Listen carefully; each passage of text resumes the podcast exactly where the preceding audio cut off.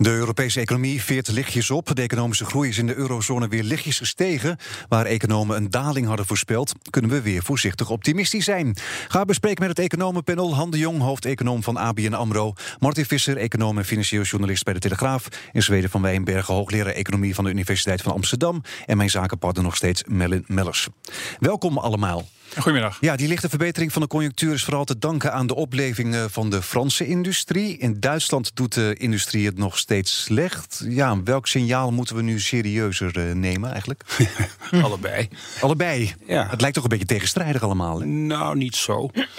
Want de, de hoofdbron van alle vertraging is natuurlijk enerzijds Brexit, maar misschien nog meer uh, chaos in Amerika. Nou, dat is allemaal veel onzekerheid. Dat betekent dat vooral investeringen mondiaal aan het vertragen zijn. De handelsoorlog. En daar heeft Duitsland het meeste last van. Nou, die auto's, dat is een wat speciaal soort ook nog eens een keer. Dat is natuurlijk, ja, die zijn steeds meer, Duitse auto-industrie steeds meer op China aan het mikken. En daar is echt een duidelijke vertraging aan de gang. Dus dat is op zich logisch. En Frankrijk zit er een beetje buiten. Dus op zich vind ik niet zo gek dat die twee wat anders doen. Ja, Martin, eigenlijk hebben we een beetje de economie op twee snelheden. Hè? De industrie die slecht gaat en de dienstensector die best goed gaat eigenlijk. Nou ja, je ziet op, op meerdere fronten twee snelheden. Duitsland-Frankrijk, maar ook Duitsland-Nederland. De Nederlandse ramingen zijn gunstiger dan zoals Duitsland er nu voor staat. Duitsland is zeer afhankelijk van export naar China. Dan zijn ze in ieder geval meer afhankelijk dan, dan, bijvoorbeeld, eh, dan bijvoorbeeld Nederland. Dat heeft, eh, dat heeft zijn impact. En uh, ja, de, de vraag is natuurlijk, de Duitse industrie doet het heel duidelijk slecht. bedoel, je ziet in alle analyses, er worden best wel grote woorden al gebruikt over een industrial meltdown. Dat vind ik wel heel erg groot. Maar goed, en de vraag is inderdaad van, trekt het dan uiteindelijk ook de diensten mee? Ja. Maar voorlopig is het echt een industrieprobleem, auto-industrie voorop. Maar uh, de auto-industrie sleept natuurlijk ook weer 40% mee van het, van het middenbedrijf. Zeker, wat, wat, en, ook, en ook Nederlandse toeleveranciers, ja. eventueel VDL heeft al aangekondigd banen te schrappen. En de vraag is inderdaad van hoe ernstig is het dat het rest meetrekt? Nou, uh, of nou, is natuurlijk dat het dat ja. doet. Allicht trekt het rest mee. Kijk, er wordt ook wel een beetje overdreven over gedaan. Hoor. Elke, elke boom komt een keer ten einde. De, deze heeft best lang geduurd.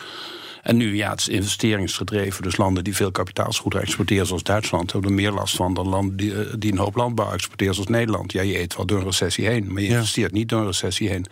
Dus ik vind het allemaal nog maar, maar, maar, we hebben het nu steeds wel over, over een recessie, maar toch de Europese economie veert nu weer een beetje lichtjes nou, op. Weet je, ja. er, er, is heel weinig groei. Eh, um, ik ben eigenlijk meestal van. Uh, nou, uh, sterk geneigd om uh, optimistische dingen te zoeken en, optimistisch te zijn. Maar ik vind de ontwikkeling in Duitsland wel zorgwekkend. Uh, want die ontwikkeling van de industrie is wel heel erg negatief. Als je gewoon naar de cijfers kijkt, is echt heel erg negatief.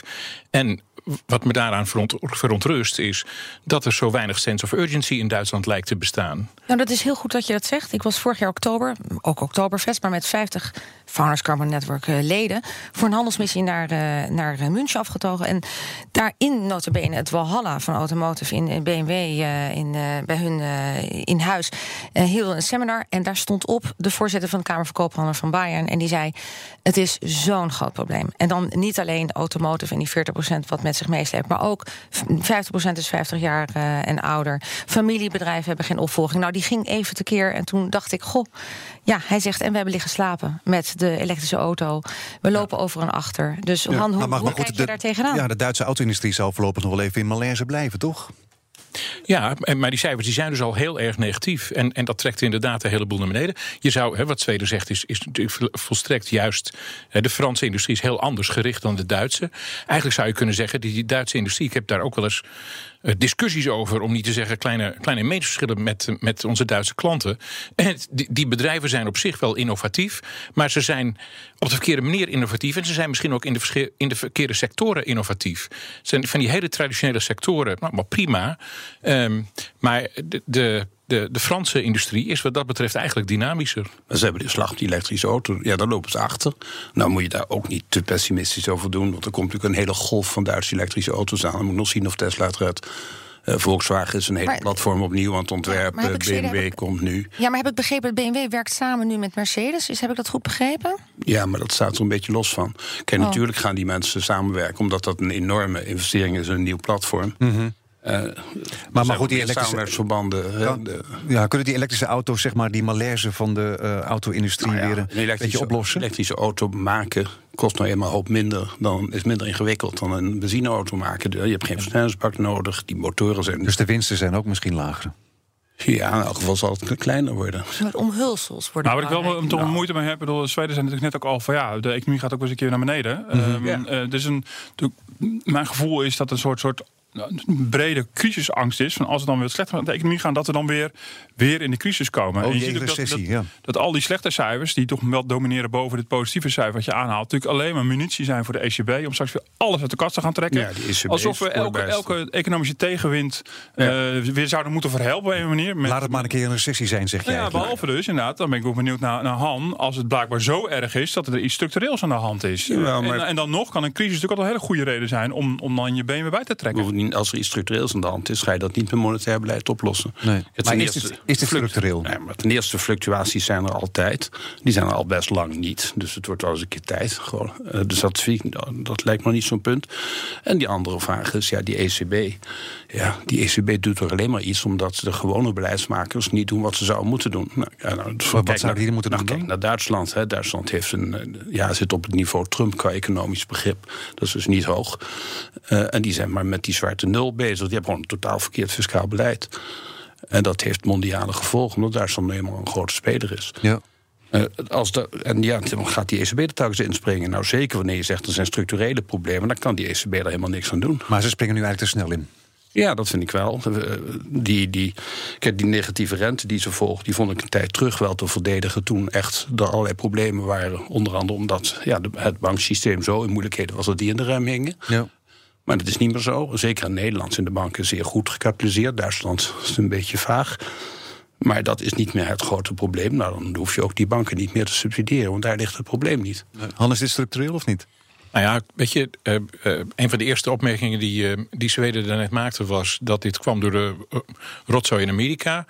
En wat hij, waar hij op doelt is natuurlijk de handelspolitiek in Amerika. Ja, wel en, meer. En, meer chaos. En, wel meer, maar, de handel, maar het handelsbeleid is natuurlijk wel heel erg belangrijk. En er is een behoorlijke vertraging van de wereldhandelsgroei geweest. Eigenlijk is er nu krimp van de wereldhandel. Um, ja, weet je, als, als, als dat nieuwe handelsbeleid, een, meer nationaal gericht handelsbeleid, als dat overal uh, postvat, dan is dit wel een vrij structurele ontwikkeling. En dat hebben economieën, open economieën, zoals die van Duitsland, maar in het kielzorg daarvan de onze ook, die gaan daar behoorlijk last van, uh, last van ondervinden. Dat kan niet anders. Dus, dus als, die, als die oneenigheid over hoe vrij de internationale handel mag of moet zijn, ja. als die voortduurt, dan vind ik dit wel een vrij structurele aangelegenheid. Even wachten tot na november. Dan uh, zien we het inderdaad dan. Nou, nou ja, of Trump dan verdwijnt, weten we natuurlijk niet. Maar als hij verdwijnt, ziet de wereld er wel radicaal beter uit. Oké, okay, nou laten we even naar Engeland gaan. Terug naar afgelopen week toen Boris Johnson besloot om het Britse parlement op vakantie te sturen. Om zo op een harde brexit af te koersen. Je was daar toch geloof ik, toch? Of niet? En... Nou ja, ja, ik kom net terug uit Engeland. Ja, ja. ja nou, iedereen die daar spreekt, maar de meest interessante mensen zijn de mensen die op straat spreken. Niet natuurlijk mijn collega's, want die zeggen het vergelijkbare dingen met wat ik zeg. Dus daar hoef je niet mee te praten. de mensen op straat wel. Ja. En die het heeft allemaal niks met de EU te maken. Het is allemaal immigratie. Het is allemaal, ze hebben een, een niet helemaal rationele haat tegen immigranten. Ze wijten alles wat fout gaat aan immigranten. En ja, dan zit er die EU met dat open grenzen. En zo meteen kunnen ze het zelf bepalen, inderdaad. Ja. ja, behalve dat meer dan de helft van de immigranten in Engeland in... Uh, niet vanuit de EU komt, maar uit Pakistan, India, dat soort landen. Dus uh, ik denk dat het een schijnoplossing is. Ja. Dat ze dat niet gaat helpen en dat ze wel een hoop ellende over zich heen krijgen. Ja, en het Britse parlement is dus inderdaad op vakantie uh, gestuurd. Is een no-deal nu onvermijdelijk? Hoe kijk jij er tegenaan? Nou ja, onvermijdelijk natuurlijk niet. Ik bedoel, het is allemaal afwachten. Um, de, de, de, wat ik eerlijk gezegd heel ingewikkeld vind bij Boris Johnson is: wat is nou echte inhoud en wat is tactiek? Ik bedoel, ik dit, dit, dit, dit kan ook tactiek zijn, hè? Hij is niet bang, hij is niet bang om te verdwijnen. Nou ja, als het 100% tactiek is, dan is zijn inzet voor een no-deal Brexit dus uh, in die zin uh, uh, niet echt heel erg relevant. Ik bedoel, dan is het alleen maar om iets anders te doen. Dan is het te doen alleen maar om verkiezingen. Maar ik ben er nog niet helemaal van overtuigd. Ik bedoel, nou, want als, als, hij, als hij aan de kant van de EU helemaal niets krijgt, dan kan hij op een gegeven moment ook niet heel veel ja, anders meer. De EU kan niet geven wat hij wil. Kijk, Precies, nou, en, dan, en dan, sta, dan kom je uiteindelijk toch ja, in dat scenario terecht. Dan wordt het no deal. Ik denk ook wel dat dat aan zit te komen. Kijk, dat parlement. Nou, het is natuurlijk nogal dramatisch om zo'n parlement weg te sturen in een democratie. Maar het is bijna een dictatuur, toch? Zou je bijna kunnen nou, zeggen. Ja, dat ook niet helemaal, maar in die richting. Maar van de andere kant kan ik me wel. Niet helemaal wel in die richting, oké. Okay. Nou ja, Boris Johnson kan nog steeds weggestemd worden. Ja, ja, ja, een dictatuur ja. zal een stuk lastiger. Nee, Probeer Assad maar eens weg te stemmen. Maar, die, uh, maar het probleem is natuurlijk wel, dat, van, die, van die kant snap ik Johnson wel. Dat parlement zit al drie jaar lang voor lamp te kijken. Die kan zijn, er ook niets mee. Die zijn, die zijn tegen alles. Nou ja, ze willen in ieder geval geen no deal. Maar wat ze wel willen is ook een beetje onduidelijk. Bedoel, daar loopt het steeds op vast. Ze stemmen tegen alles. Ze hebben alle mogelijke oplossingen verworpen. En ze hebben niets constructiefs voor. Nou, je komt inderdaad niet verder. Maar in wel, wel natuurlijk in verschillende samenstellingen. Dus, dus er is gewoon geen meerderheid te vinden in het Britse parlement voor, voor wat dan ook. Dat is een enorm probleem. Boris Johnson, ja, als het aankomt op verkiezingen, dan wordt het natuurlijk erg interessant wat, wat daar dan de inzet zal zijn. Als hij dan inzet op. Um, we gaan zonder zonder uh, akkoord toch ook gewoon uit, uit de EU. Dan wil ik nog wel zien wat er gebeurt. Ik moet eerlijk zeggen dat, dat mijn contacten in, in het Verenigd Koninkrijk. En dat is een hele kleine, ste, ste, uh, hele kleine groep mensen natuurlijk. Ja. Um, dat zijn allemaal remainers. Want dat zijn net zoals dat Zweden met zijn collega's praat, praat ik met mijn collega's. En die, we denken allemaal hetzelfde. Ja. Ja. Zijn, maar, maar, nu komt het, het zijn allemaal remainers. Maar dan zeggen ze wel, als er verkiezingen komen en Boris die stelt voor om zonder deal de EU uit te gaan en het enige alternatief is Jeremy Corbyn, dan gaan we toch Boris steunen. Want, en dan no want, deal. want een Corbyn-regering ja, zien we helemaal niet zitten. De Economist had een hele aparte die een tijdje geleden zei: ja, wat is toch met ons land aan de hand dat onze drie leidende politici zijn Boris Johnson, wat een schaamteloze opportunist is, Corbyn, wat een 18e, 19e eeuwse marxist is, en Nigel Farage, die, die, kan, ja, die is eigenlijk altijd dronken. Ja. Dus uh, het is nee, nogal een chaotisch geheel. Nu werd ook altijd gezegd van er is nooit een plan geweest, maar uh, Johnson nee. zou ook wel geen plan hebben. Nou, dat is een tegenstrijdig plan. Kijk, wat ze, de, de tegenstrijdigheid die zij absoluut weigeren onder ogen te zien is... ze willen enerzijds de voordelen van een douane-unie... wat betekent je hebt helemaal geen interne grenzen, geen Ierland-probleem, niks. Maar ze zullen wel een eigen tarief onderhandelen. Ja, dat kan niet, want je hebt alleen maar geen grenzen binnen een douane-unie... omdat je een gemeenschappelijk tarief hebt. Dus die twee zijn domweg tegenstrijdig. Nou, dat en ze willen immigratie onder controle kunnen brengen. Ja, en dat kan ook niet als je geen interne grenzen hebt. Nou ja, maar dat is nog het minst, maar het minst fundamentele probleem. Want daar zou je ook nog wel tijdelijke dingen voor kunnen bedenken. Maar dat conflict tussen zeg maar, wat een free trade agreement heet... Hè, waar je dus wel je eigen tarieven onderhandelt... maar hele ingewikkelde regels hebt... Ja. of een douane-unie, dat is heel fundamenteel. En dat kan ook niet opgelost worden. Kijk, dat immigratieprobleem kun je wel oplossen... door te zeggen, nou ja, tien jaar lang vertraging, weet ik veel... je verzint wel iets. Maar FTA tegen, tegen de douane-unie is structureel... ja, dat kan echt niet allebei. En dat is, dat is ook niet de kwestie van een concessie van de EU. Nee. Nou, we dus dat zien. is, ja, dat, uh, ze hebben zichzelf in een hoek geschilderd. Dus weet niet hoe ze eruit moet komen. Nou, we zullen nog uh, vaker over praten, denk ik, de komende tijd. De politieke drama in Rome is ook nog niet over. Wat de gevolgen zijn voor de Europese economie... ga ik zo meteen vragen aan het economenpanel. Waar we midden in het economenpanel zitten met vandaag Han de Jong, hoofdeconoom van ABN AMRO... Martin Visser, econoom en financieel journalist bij de Telegraaf... en Zweden van Wijnberg, hoogleraar economie aan de Universiteit van Amsterdam... en mijn zakenpartner is nog altijd Melin Mellers. Ja, jongeren worden onevenredig hard geraakt door maatregelen van kabinetten sinds de crisis. Zo concludeerde de SER in het FD afgelopen vrijdag. Zo kunnen ze door een hoge studieschuld maar moeilijk aan een hypotheek komen voor een huis. Ja, de economie floreert, maar over jongeren horen we alleen maar negatief, negatief verhalen. Blijven zij inderdaad achter? Han? Oh, ik heb niet naar de cijfers gekeken, maar er valt natuurlijk alles wel te klagen. Ik moet wel zeggen, waar ik mij wel over schaam, en ik ben boven de 60, dat is dat ik heb kunnen studeren met een, eh, met een beurs en eigenlijk zonder al te grote financiële uh, uh, problemen. Er heel lang over moet doen ook? Dat mocht wel, maar dat heb ik maar niet gedaan. Oké, maar dat ehm, mocht in principe wel, ja. Het mocht in principe wel. Mijn, mijn, zus heeft dat gedaan. Die heeft negen jaar gestudeerd. Uh, ik iets korter.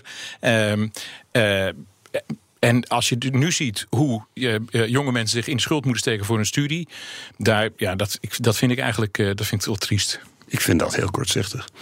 Als je kijkt wie dan die, jouw studie betaald heeft, dat is de gemiddelde belastingbetaler. Nou, kijk je naar het gemiddelde inkomen van de afstudeerder, een stuk hoger dan het inkomen van die belastingbetaler. Dus wat jij triest vindt, is dat je niet door mag gaan met arme mensen rijken laten subsidiëren. Nou, dat vind ik een vreemde redenatie. Nou, ik, ik begrijp ook wel wat Zweder zegt. Nou, zeg ik, ik, begrijp wat Zweder zegt. Uh, kijk, vroeger was natuurlijk eh, de studeren was weggelegd voor de elite of de mensen die we goed verdienden. Tegenwoordig kan iedereen studeren. Dat is ook een groot goed. Ik bedoel, het volk wordt, in, eh, wordt intellectueler, et cetera. Um, maar um, ik denk dat we heel, misschien heel bazaal, maar ik denk dat het heel belangrijk is dat de jongeren zich moeten realiseren dat als zij starten met een studie, inderdaad, daar zit een bepaald tijdsbestek aan dat je moet afmaken. Daar komt een schuld bij kijken. Die zul je moeten aflossen door te werken. Dat, is logisch. En de hele werk, dat is logisch. En de hele werk is natuurlijk anders. De, de, de, economie heeft er toch ook iets aan als, eh, als inderdaad uh, jawel, een goede opleiding hebben? Jawel, we hebben er ook zeker wat aan dat er hoge opleidingen komen. Een groot deel van de oorzaken van bijvoorbeeld loonongelijkheid is juist... Opleidingen? Opleidingen. De, ene, de groep die achterblijft is de groep met minder opleiding, grotendeels. Dus dat is waar. Maar die voordelen vallen toch wel volledig neer bij degene die die opleiding krijgen. En dan wordt, het wordt onder het systeem wat Han wil, wordt dat betaald door de mensen die de opleiding niet krijgen. Zo is het heel lang ook geweest. Ik bedoel, studiebeurzen en dat ja, soort dingen. Het feit dat het altijd zo gebeurt, is wil niet zeggen dat het goed is. Nee, maar in veel andere Europese landen, in Denemarken... Het feit dat het in veel andere landen zo is, wil ook niet zeggen dat het goed nee, is. Nee, dat is ook waar. Ik probeer wat tegen te werpen hier. weet je, ja. Kijk, nee, wat Zweden, van arm naar rijk vind ik in principe fout. Ja, weet je wat, kijk, wat, nou ja, van arm naar rijk, wat Zweden zegt, dat the theoretisch zal dat wellicht kloppen. Nee, feitelijk, cijfers van het CBS. Niks theorie. De gemiddelde belastingbetaler verdient gewoon minder dan de gemiddelde afstudeerde. Nou, dat betekent maar dat, dat als is de een de ander financiert het van arm naar rijk. Ja, dat is een- maar dat is geen in- theorie, dat dat is een feit. Oké, dat, maar dat is in dit, dat is, hè, dan, dan praat je dus over het toekomstige inkomen van iemand die nu aan het studeren is. Zo wat. En eh, ik blijf, nou ja, Blijft zijn inkomen. Nou, dat, dat vraag je natuurlijk wel af. Hè? Want, want denk je echt dat jongeren een, een goed zicht hebben op wat ze, in, wat ze levenslang als inkomen gaan, Nou, gemiddeld wel. gaan genereren? Gemiddeld Nou, wel, Ik, ik denk het niet. En ik vind Ik dat wel. als mensen afstuderen en die willen dan ook nog een keer een huis kopen, hè, want daar begon je ook over. Nou ja, dat is inderdaad een probleem. Veel eh, jongeren maar- bouwen nu een heel veel studieschuld schuld. op. Goed, daar en zie je een dus verschuiving. Want we hebben in Denemarken, op Denemarken na, het? begrijp ik dus, het hoogste percentage household debt to income ratio ter wereld. Ligt ook wel een beetje aan de eh, hypotheekaftrek. Maar ehm, eh, maar als je kijkt dan even nog naar, de- kijkend naar de student die afgestudeerd is. Die koopt dus niet in huis, want hij moet eerst zijn, eh, zijn, zijn eh, schuld Ja, aflossen. want, want, want hoe erg is inderdaad dat, dat jongeren een studieschuld opbouwen... en dat ze dus geen huis eh, kunnen bouwen? 24 geen meteen in huis meer. kunnen komen. Zijn die maar geïnteresseerd? Dat slaat toch nergens op. Ik vond het, die klacht, ik vond het een beetje een zeurverhaal van Lice. Toen ik als studeerde, mijn 4, 25, kon ik ook niet meteen een huis Hoe, kopen. hoe, hoe oud waren jullie toen jullie je eerste huis kochten? Poeh, Dat was 28. eh, zeven jaar na dato en dat was eh 28. 28. Ik was, dat was 1985, dus ik was eh 27, 28. Ja, maar zoiets rond de 28. Zeven, maar- jaar geleden mijn eerste huis gekocht. Wauw. Eh, Je bent ook opvallend stil nog, gewoon Nee, dit ja. eh, onderwerp, eh, Ja, ik, vind- ik vind het, ik bedoel, ik zit er een beetje tussenin. Dat is heel saai misschien. Maar eh, ik vind economisch gezien en theoretisch gezien de gedachte heel logisch dat je gewoon kan investeren in je toekomstige verdienvermogen. Ehm, dus ik vond het helemaal geen gek idee toen op een gegeven moment studenten inderdaad gewoon die manier schulden moesten gaan maken. Behalve natuurlijk als dat tot ongewenste gedragsveranderingen leidt. Dat vind ik, die, dat vind ik nog niet helemaal overtuigend aangetoond. Maar als inderdaad nou blijkt dat op grote schaal jongeren die het eigenlijk wel zouden kunnen, niet meer gaan studeren vanwege de studieschuld. Bijvoorbeeld uit milieus waar, eh, eh, met lager inkomen waar men bang is voor die Maar, hoge maar, maar, schulden. maar is dat dan, zo? dan, dan is, Is er niet, dan is er is- niet uitgelegd is hoe je een studieschuld weer kan inlossen. dan zou je natuurlijk iets kunnen doen wat maar beetje in zit tussen de ene kant Han die helemaal voor gratis voor niks heeft zitten studeren en de jongeren die nu zich diep in de schulden steken. Je, Maar, maar je dan- vergeet dat er een aanvullende beurs is. Kijk, er is al lang. Kijk, ik ben het helemaal met Martin eens. Kijk, je wil toegankelijkheid wil je handhaven. Dus iedereen die voldoende talent heeft, moet het kunnen doen. En dat is Zeker. niet alleen eh, rechtvaardig, maar ook voor de maatschappij van belang.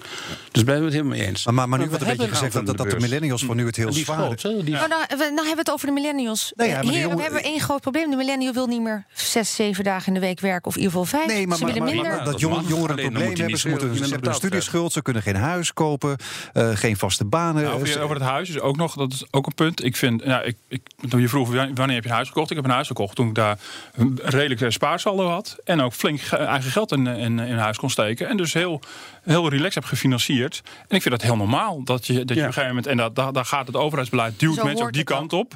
Maar dan moet natuurlijk wel voor die mensen ook een fatsoenlijke alternatief zijn. In die jaren dat ze bezig zijn onderweg naar het eigen huis. Huurwoningen. Precies, Ja. en dan heb je het over de huurmarkt. Ja, het is niet, bedoel, soms, ik woon sinds een aantal jaar in Amsterdam. Ik heb het gevoel dat mensen die in Amsterdam huren, het gevoel hebben dat ze het recht hebben om voor een prikkie meer in Amsterdam een huis te kopen. Nou, het spijt me schrikkelijk. Ik zou ook in de gracht willen wonen, kan niet. Ik woon gewoon keurig op Eiburg. Ja. Eh, de, eh, Maar ja, je- hartstikke je- goed. je hoort maar het van idee dat, je, dat, je, dat, dat Maar alles Martin- maar bereikbaar moet zijn voor iedereen, Maar vind ik ook een beetje Martin doorgeslagen. kijkt hier iets anders aan waar ik het wel mee eens ben. Namelijk, eh, het echte probleem van die huizenmarkt heeft niet met jong of oud te maken. Met het feit dat wij Aanbod. een volstrekt verkeerd beleid voeren. Waardoor we echt- eigenlijk geen commercieel huur Precies. beschikbaar hebben. En dan zit je mensen klem. Enerzijds is, is nou in Amsterdam 60% van de huizen en, en Nederlands geheel 40% is sociale woningbouw. Wat een groot goed is, waardoor er nauwelijks daklozen zijn in Nederland. Niet veel althans, vergeleken met Engeland of Amerika.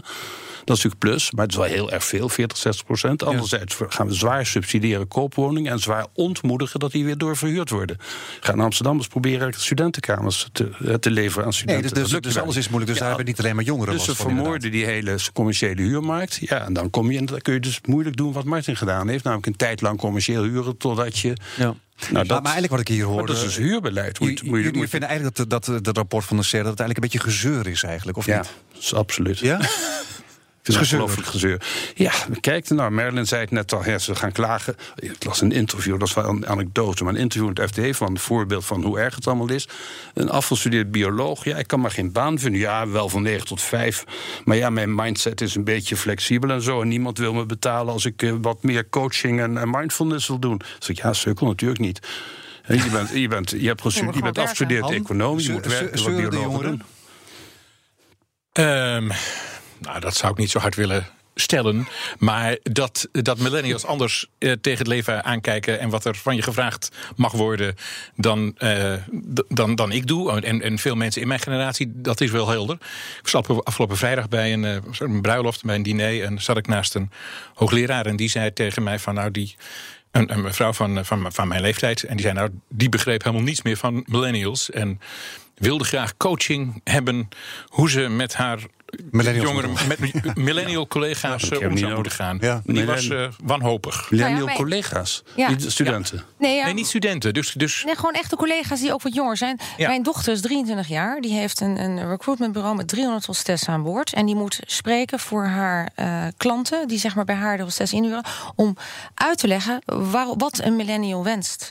Maar die wensen zoveel. Hè? Die wensen dat ze binnenkomen, dat ze met open arm worden ontvangen. De ja. nest. Maar, maar, maar nu wordt soms wel, wel gezegd dat er een soort van uh, ja, uh, verloren generatie dreigt... die geen huis nee. kan kopen, daardoor ook minder vermogen opbouwt. Dreigt dat inderdaad? Dus ze bouwen niet minder vermogen op omdat ze geen huis kunnen kopen. Ze bouwen minder vermogen omdat ze te weinig sparen. Dat is iets en misschien anders. wel minder dagen gaan werken, kiezen voor meer okay, dat mag. buiten de deur, uh, wat op vakantie niet. gaan. Ja, ja, maar goed, dan wil je en ze hoppen. En jobhoppen is ook een enorm probleem onder de millennials. Als ik ze aan boord heb, hebben ze twee jaar alles helemaal getraind. Ze zitten helemaal erin in de business. Ik ben helemaal trots op wat ze bereikt hebben. Wat ze dan eigenlijk, dan pas gaan ze echt vliegen. En dan zeggen ze, ja, maar ik zit hier alweer twee jaar, is wel lang. En dan gaan ze weer hm. verder. Vindt ze werk niet leuk? Ik weet het niet. Uh, Kortom, er is er niet zoveel aan de hand eigenlijk. Maar, ja, van de jongeren zelf eigenlijk is de conclusie. Het is misschien een beetje makkelijk misschien. Nee, maar we hebben een hele bijzondere, hele creatieve Een hele generatie uh, gegeneraliseerd af te doen. Ik vind gewoon, als er zitten hier ook allemaal 40-plussers aan tafel. Dat is misschien ook niet helemaal eerlijk. Ik ook niet 40 plus, maar ik ben 65 plus. Ja, oké, nou ja, goed. Ik ga voor de 50. De stapeling van studieschuld, een probleem met de huurmarkt, flexwerk, wat onevenredig bij bepaalde groepen terechtkomt. Die stapeling vind ik heel relevant om naar te kijken. Daar worden misschien bepaalde groepen jongeren door getroffen. Worden misschien bepaalde nee. mensen in de middenklasse door getroffen. Mm. Uh, dat vind ik heel relevant. Jongeren, uh, om het drama van het flexwerk. Want ZZP'ers, dat zijn 45-plussers die ja. onvrijwillig uh, ja, ZZP'er worden. ZZP'ers nou. zijn heel vaak mensen die er zelf voor kiezen. Maar goed, ja, maar, ook heel vaak niet voor sociaal cultuur. Maar, maar, jij, maar jij begrijpt de millennial nog enigszins, Martin? nou, ik begrijp ze wel ja, deels. Ik begrijp ze wel, ja.